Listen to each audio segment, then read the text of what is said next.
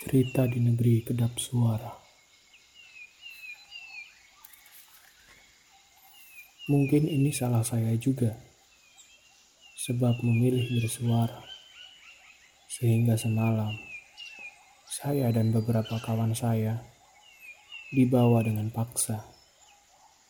Kami dituding bisa membakar masa atau mendatangkan keramaian lainnya.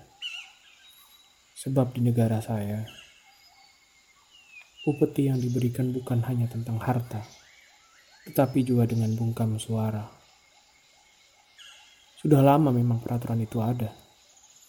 Apalagi sampai saat ini, saya masih bukan siapa-siapa.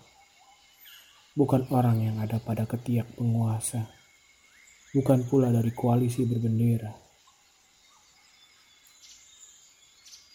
Pada ruangan 2 kali 3 meter yang kedap suara Terasa beberapa kali hantaman di belakang kepala. Tapi lama-lama hilang juga. Sebab saya pikir akan ada yang lebih terluka. Mungkin ia seorang petani yang akan kehilangan ladangnya dengan percuma. Atau seorang nelayan yang berhenti melaut sebab ikan sudah tertimbun reklamasi atau juga seorang dokter perempuan yang harus pulang di jam setengah satu pagi sebab membantu seorang korban tabrak lari. Begitulah kiranya yang terjadi di negara saya. Dan beruntungnya,